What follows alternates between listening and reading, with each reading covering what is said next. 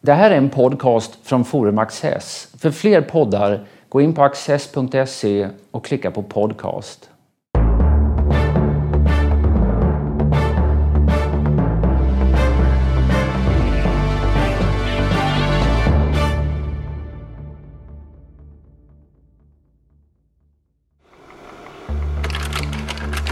Nizami Arusi föddes kort före år 1100 i Samarkand och levde och verkade huvudsakligen vid hovet i staden Bamiyan i det som nu är Afghanistan.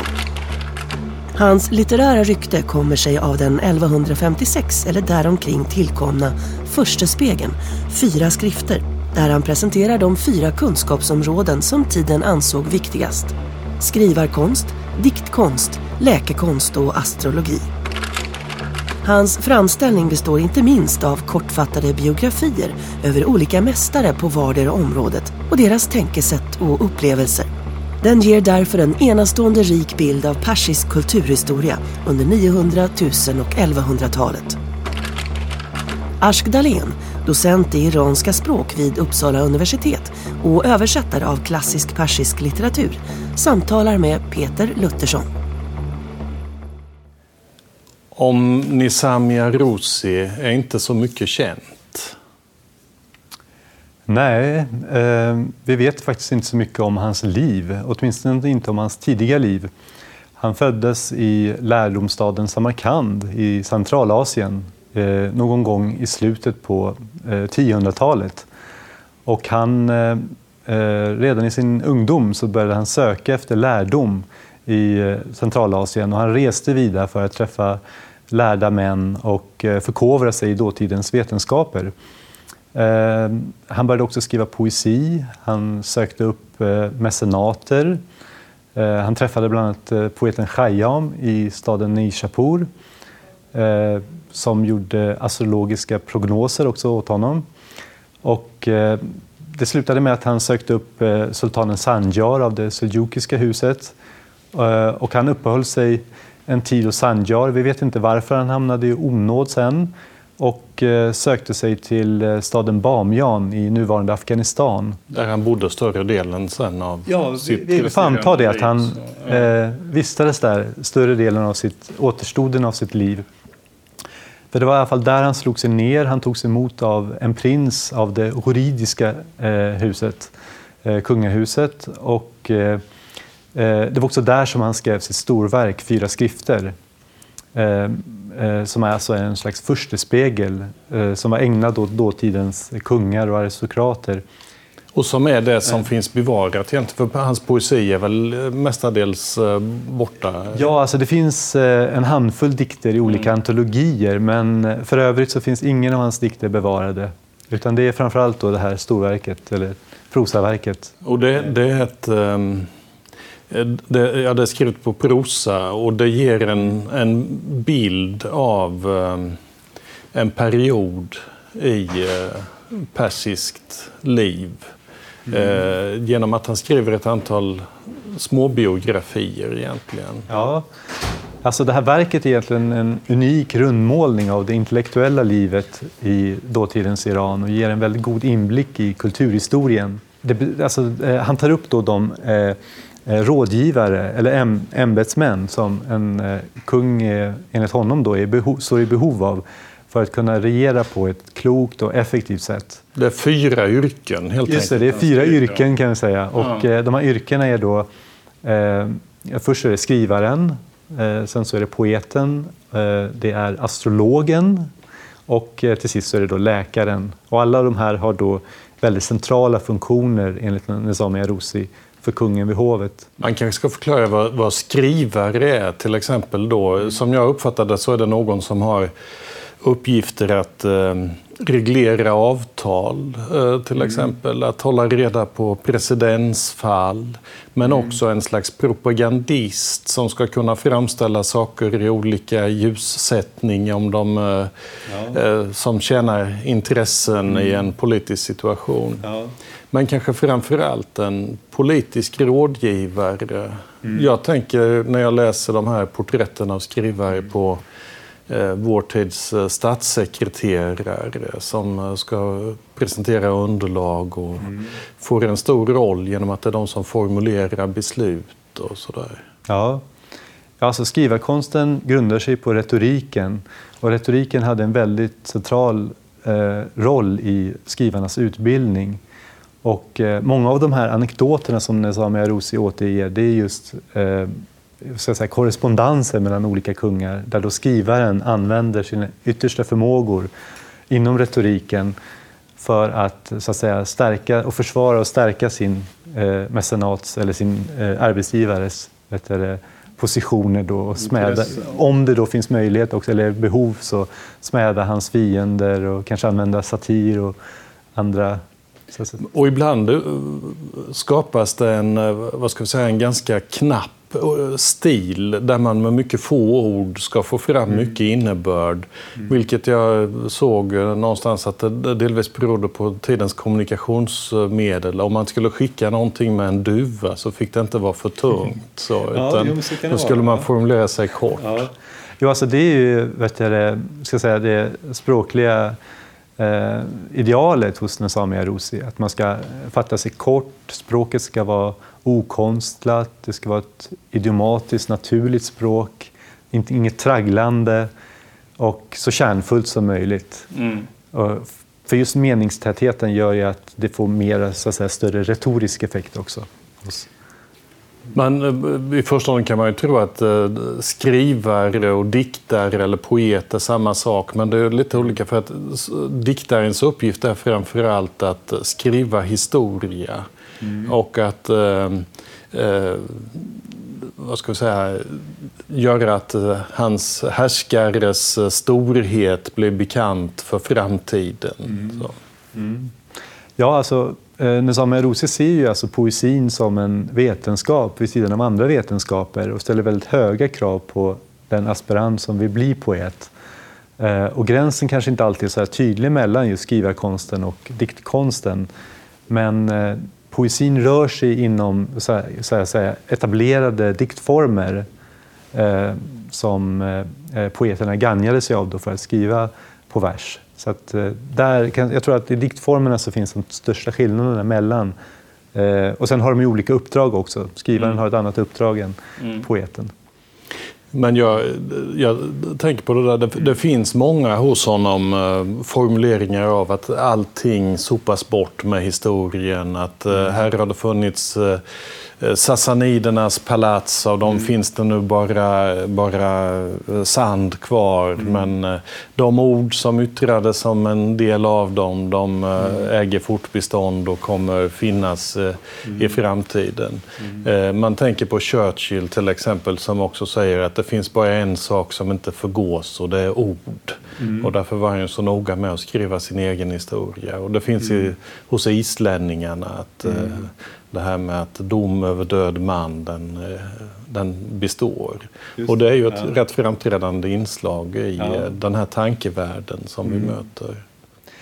Jo, alltså det är just det argumentet som Nazami Arusi använder för att, så att säga, argumentera för att eh, kungen ska stå, stå i behov av en poet. Mm. Att poeten då ska, eh, jag ska säga, odödliggöra kungens minne. Att när kungens eh, palats kanske har förstörts eller blivit ruiner så eh, står, lever de dikter kvar som skrevs till kungens ära. Och poeterna vid ett hov kunde vara väldigt många. Eh, mm. eh, jag såg någonstans att 400 eh, poeter vid ett hov, men lite mm. hierarkiserade. Så. Just det, jo men det stämmer. Alltså, de dåtida persiska hoven var ju verkligen riktiga diktarcenter. Alltså, jag tror poesin hade ungefär samma status som, eh, hade, hade en väldigt hög status i det medeltida Iran. Mm. Förmodligen den högsta konstformen ansågs det vara. Och eh, eh, kungarna och prinsarna gjorde sitt yttersta då för att locka till sig eh, poeter. Eh, så att, eh, som jag sa då, så utgjorde de här vet du, hoven då, riktiga diktarcenter. Och där man också hade då litterära smakdomare, där kanske eh, kungens älsklingspoet blev litterär smakdomare då, och skulle eh, För det, det, här, om man, om man sätter in det i ett litet historiskt perspektiv innan vi kommenterar de två resterande yrkena också, så, eh, så kan man säga att eh, det finns många olika språkliga skeden eh, här. Det finns eh, ett gammalt skede med fornpersiska och de här inskriptionerna över Dareios och där finns eh, eh, Avesta och det språket som det är skrivet på. Och sen finns det en medelpersiska som är kopplad till sassaniderna och sen en nypersiska som det här är skrivet på. Ja. Och, och, som är ett språk som fortfarande är, eh, är giltigt, så att säga. Så det, är inget, det är inget problem för någon i Iran idag eller i Afghanistan att läsa de här poeterna trots att det är mm. tusen år gammalt. Nej. Uh, och det är lite därför jag just lyfter fram den här perioden som en renässans också. Mm. Alltså det var en renässans av antika iranska kulturella traditioner och framförallt då litterära traditioner. Att eh, på på samiska Arousis tid så fanns det då flera, ett flertal författare som trädde fram, eh, återupplivade de här eh, genrerna och litterära formerna från det antika Iran, framförallt från den sassanidiska tiden. Och det var då både de här eh, vin och kärlekssångerna, det var de heroiska eposen, romantiska eposen, det var eh, lovsångerna till kungarna, de här panegyriska dikterna. Eh, så det finns en gammal tradition här. Mycket blev förstört i ett par skeden också. När Alexander eh, intog perserriket så, mm. så eh, Eh, raserades mycket och förstördes mycket. Och även sedan när mm. Eh, araberna eh, la under sig den här regionen på 600-talet mm. så, mm. så förstördes mycket. Alltså, det fanns, ja. Sassaniden hade ett stort bibliotek, ett av antikens största bibliotek, mm. som, där man brände upp eller kastade i Eufrat, det som fanns där. Vilket mm. gör att mycket är försvunnet av den äldre kulturtraditionen. Ja. Så. Alltså det var en väldigt, just 700-talet där, efter erövringen, var en väldigt känslig period i Irans historia. Där kulturen också genomgick Eh, grundläggande politiska, och sociala och religiösa omvälvningar. Alltså det var ett, dels det där religionsskiftet och eh, dels så blev ju arabiska det officiella språket, eh, det administrativa språket också i statsförvaltningen och gjorde att folkspråket trängdes undan, till en början i alla fall. Och det är lite den bakgrunden man får se sen, hur litterär renässansen sen kommer upp i östra Iran. Just det. Alltså, med religionsskiftet då, det är ju att mm. eh, islam tar över ifrån zoroastrisk eh, mm. religion som har varit innan. Och av ja. Avesta så finns det bara fragment kvar också, ja. alltså den gamla religiösa mm. viktigaste skri heliga skriften. Så. Mm. Eh, men, men sen tappar eh, kalifatet eh, inflytande på 800-talet eller sådär, vilket mm. väl är en förklaring till att, att den här renässanssituationen kan uppstå med väldigt många konkurrerande mm. hov som påminner ja. helt om eh, Italiens eh, mm. renässans senare och där furstar mm. tävlar om att samla på sig vetenskapsmän och, och mm. diktare och konstnärer och mm. Eh, man tittar här också på deras belöningar. Som eh, Nisamia Rossi beskriver så, mm. så får ju de här diktarna de får palats och de får hästar och de får konkubiner mm. och de får slavar och de får guld. Och, ja. så, så de, de har verkligen en stark ställning mm. i samhället. Så. Ja. Jo, alltså det finns ju flera paralleller här till renässansens Italien. Eh, efter jag ska säga, någon gång där på 800-talet så börjar då det ske en uppror mot kalifatet, uppror som lyckas också bli framgångsrika. Och olika persiska eh, dynastier etableras i östra Iran. Eh, och eh, till slut är hela iranska högplatån i princip består av olika rivalis rivaliserande kungariken. Eh, och de här eh, rivaliserande kungariken också blir alltså eh, det sker ändå en konkurrens också i kulturella prestationer där de försöker tävla med varandra då i vetenskap och i poesi också för att eh, överglänsa varandra. Och I den här perioden så finns många av de där persiska författarna som man eh, jag känner till i eh, Sverige till exempel mm. av idag. Delvis genom Erik Heimelins mm. översättningar och sådär. Vi, vi hittar Firdousi och vi hittar eh, Rumi och Hafiz och Sadi och så mm. i den här perioden. Och som ja. fortfarande, så vitt jag förstår, en helt levande tradition i Iran. Ja visst, alltså det finns en väldigt stark eh, språklig kontinuitet och litterär kontinuitet också. Hur kan det komma sig med en språklig kontinuitet? Språk förändras ju så oerhört mycket. Ja, alltså jag tror att eh, det finns flera orsaker, men jag tror att en orsak kan vara den här betoningen på ska säga, eh, litterär efterbildning. Att det har varit varje ny poets uppgift att försöka efterbilda de klassiska mästarna. Påminner om den kinesiska litteraturen då, ja. som väl också har varit mycket ja, på det sättet. Ja. Och också det här alltså Aristoteles uppfattning om mimesis, alltså mm. att efterlikna, att, så att säga, imitera Eh, stora klassiska verk för att på så sätt kunna etablera sig som en eh, stor författare. Man kan säga att, att eh, i Persien eh, det uppstod tidigt också en mycket stark lärdomskultur och filosofiskolor och filosofiskolor som skulle vara mötesplatser för olika eh, vad ska vi säga, inriktningar eller kunskaper. Eh, det finns en berömd eh, filosofiskola eh, som senare blev tillflyktsort för Atens akademi när den stängdes av Justinianus. Vad är det den heter? Eh, Gunder Shapur. Just det. Just det. Och det var ju från början en mötesplats för nestorianer. Ja, och, belägen i södra Mesopotamien. Ja. ja mm. Mm. Vad hände med den sen? Ja, alltså när abbasiderna tog makten på 700-talet i Bagdad så eh, lockades ju många då av de eh, läkare och de filosofer som var verksamma i Gondeshapur, de lockades då till Bagdad. Så att de flyttade då, läkarna flyttade hela sjukhus till utrustning då till Bagdad och eh, eh, blev verksamma då under den nya kalifen där. Så att eh, där ser vi på hela tiden att eh, eh olika hov, då, olika, eh, säga, har hela tiden tävlat om att försöka locka till sig eh, lärda män och kvinnor eh, för att på så sätt eh, så att säga, eh, uppliva kulturen och bli center för eh, kultur och lärdom. Och, och, den persiska kulturen fick på det här sättet, eh, man, om det här nypersiska språket som detta är mm. skrivet på, som tillkommer någon gång då på 700-800-talet. Så, mm. Eh, det har väldigt mycket arabiska låneord. Ja. Eh, och det skrivs med arabiskt alfabet och, och så.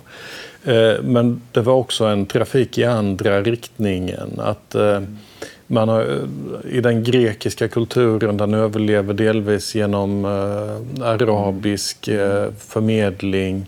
Eh, medan araberna översätter grekiska verk ofta med inspiration ifrån den persiska lärdomsvärlden som man mötte. Det är en korrekt beskrivning, eller? Ja, jag tror det. Alltså, framförallt tidigt under abbasiderna på 700-800-talet så Eh, hade man en febril översättarverksamhet där man då framförallt översatte eh, indiska, persiska och grekiska vetenskapliga verk till arabiska. Och eh, det sporrade då en, så att säga, en, en slags återupplivande av de vad ska jag säga, grekiska, den grekiska filosofin och mm. kunskapstraditionen som gjorde också att eh, den arabiska och persiska kulturen kunde förvalta det arvet vidare så att det sen återupptäcktes också senare i Europa på eh, tidiga medeltiden. Och persiskan kunde fungera lite som, eh, som latinet i, i väst. Mm. Att längs sidenvägen så blir det ett, ett lärt ja. språk som är möjligt att kommunicera. Ja, Alltså längs de här handelsstäderna vid Sidenvägen, de här dynastierna, de nya persiska dynastierna som samaniderna till exempel, gynnade ju karavanhandeln. Så att, och det skapade ekonomisk tillväxt så att de både de ekonomiska och de samhälleliga förutsättningarna för den här eh, renässansen då inom litteratur och vetenskap fanns där, eller uppstod där eh, längs de här hand, i de här handelsstäderna då, eh, längs Sidenvägen. Mm. Sverige är ju ett land som på något sätt ligger i världens utkant och därmed har haft en helt annan typ av utveckling än, än eh, den här regionen som eh, ligger centralt i, i världen om man får uttrycka ja. sig så. Och man, man tänker ju idag, vi talar om globalisering och så mm. som, som att eh, eh, kontakter mellan olika folk och olika kulturer skulle vara en, eh, en nymodighet. Mm. Eh, men istället kan man väl se att det är en väldigt stor kontaktrikedom ifrån öster och in i Persien och sen vidare över Medelhavs Eh, regionen och också mm. där den arabiska kulturen förstås som mm. går upp i morernas eh, Spanien mm. och i Sicilien och mm. Palestina för den delen. Mm. Så. Eh, så att det finns en mycket större kontaktrikedom än jag tror att man i allmänhet uppfattar idag. Ja, ja alltså hela det här i Fyra skrifter så hela, alla de anekdoter han berättar det utspelar sig över ett väldigt brett geografiskt område. Mm. Ända från Anatolien, dagens Turkiet, upp ända bort till Kinas murar och norra Indien. Mm. Och över hela området så fungerade ju persiskan på medeltiden och ända fram till 1900-talet som en slags eh, gemensamt kulturspråk för eh, litteratur och för vetenskap. En slags lingua, lingua franca kan mm. man säga. Och eh, det gjorde ju att eh, det blev en väldigt så att säga, sammanhängande kulturell utveckling också.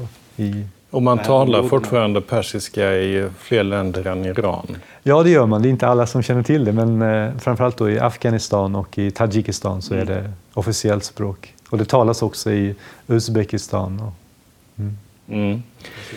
Om man eh, återvänder ett ögonblick till de där andra två yrkena så ett mm. av de yrkena var då astrolog. Mm. Och det kan ju låta lite utflippat och sådär. Och det är klart att en av deras uppgifter var att göra förutsägelser. Mm. Men eh, de här astrologerna var ju i själva verket lika mycket astronomer. Mm. Som hade stor kunskap om eh, eh, ja, astronomi helt enkelt, himlakropparna och dess rörelser och sådär. Eh, och man kan då vara förvånad att eh, en, eh, en författare som Omar Khayyam skulle jag... Han, han mm. behandlas ju här som astrolog och inte som, som poet. Mm.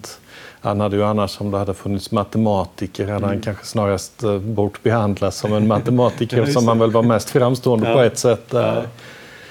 Men Omar Khayyam har haft en stor betydelse för den persiska litteraturen i väst. Mm.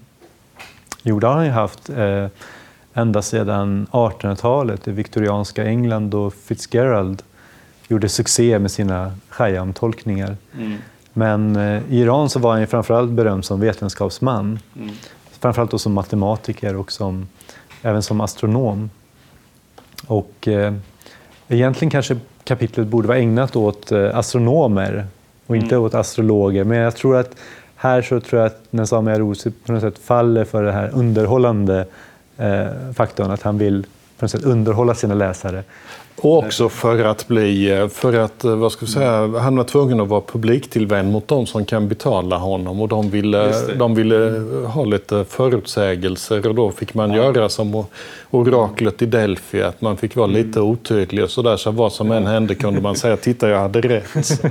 Just det. Men det står... Jo, astrologen hade en väldigt central eh, roll också vid hoven. Det kan, kanske är svårt att föreställa sig riktigt, men om kungen eller någon i den kungliga familjen eller högt uppsatta adelsmän eller damer skulle ja, gifta sig eller om, de skulle, om kungen skulle gå ut i krig eller om han skulle sjösätta sitt skepp eller sådär. Vid alla de här tillfällena så tog han då hjälp av astrologerna för att göra prognoser, förutse om det här skulle vara någonting som skulle vara gynnsamt och vara till kungens fördel. Så att säga. Men Isami Arousi skriver det här, apropå Omar Khayyam, att mm. eh, han trodde inte så där jättemycket på de här förutsägelserna själv Nej. utan eh, tyckte att man borde förhålla sig skeptisk ja. till dem. Så att, ja, han är tydlig där, jag markerar reservation. Ja. Och av läkare, så, den mest berömda som förekommer i persongalleriet i den här mm. boken det är Avicenna eller Ibn mm. Sina. Då, som, ja. som också en, eller framförallt mm. väl för eftervärlden bekant som en stor filosof. Mm. Jo, han var ju en polyhistor, alltså en lärd av stora mått. Och han är väl berömd framförallt för eftervärlden för sina medicinska verk. Mm. Hans eh, eh, kanon, då, eller hans främsta, och hans shifa också, alltså om läkekonsten, eh, användes i, översattes till latin och användes i den medicinska undervisningen fram till 1800-talet i England till exempel. Så han har haft en oerhörd betydelse på läkare. Han betraktas också mm. som den moderna läkarvetenskapens fader också i vissa mm. sammanhang. Mm. Vi kan säga att med den persiska litteraturen så har vi i Sverige är vi väldigt välförsedda med översättningar, framförallt genom Erik Hermelin som mm. gav ut 25 eh, volymer, 8000 sidor med mm. klassisk eh, mm. Mm. litteratur. De är ju delvis svårtillgängliga genom att de är skrivna på... De är, jag såg att Bo Utas, eh, professor i iranska mm. språk, har, har, sagt att de är närmast plågsamt ordagranna. Men de är också ordagranna med en väldigt speciell, mm. eh, mycket personlig språkskatt, eller vad man ska säga. Eh, men Hermelin har haft en betydelse som förmedlare i alla fall. Ja, det har han definitivt haft. Han, eh, hans eh, översättningar har ju satt sina spår i den moderna svenska eh, litteraturen. Eh, tänker till exempel på eh, Gunnar Ekelöf och Karl Wennberg. Det är flera som, eh, ska säga riktiga eh, kanoniska författare i den svenska litteraturen som har påverkats av, Hermelin, av sin läsning av Hermelins texter. Ja, det finns ju lite här och var. Heidenstam i Hans Alienus, mm. han åberopar Hafiz och mm. Och det finns, eh, just Omar Khayyam översätts ju från mm. Fitzgerald eh, av ja. Eh, sådana som Sten Selander mm. och sådär. Ekelöf har med lite Rumi i en av mm. sina diktsamlingar. Ja. Varav en av dikterna inte ska vara en översättning utan att han själv hittar på en dikt i Rumi-stil och låtsas ja. som att den är Lite nyskapande. Eh, Hermelin kan vi säga också att han, hans översättargärning den, eh, den ägde rum på Sankt Lars eh, mentalsjukhus i, eh, mm. i Lund. Och, ehm, mm. eh, det finns en berömd anekdot om Fredrik Böök och Wilhelm Ekelund de går mm. utanför sjukhuset och Wilhelm Ekelund säger att där inne sitter en man som är mer vis och lärd än den visaste och lärdaste professorn i mm. Lund. Som väl Böök tyckte sig ja. Tack så mycket. Ja, tack så mycket.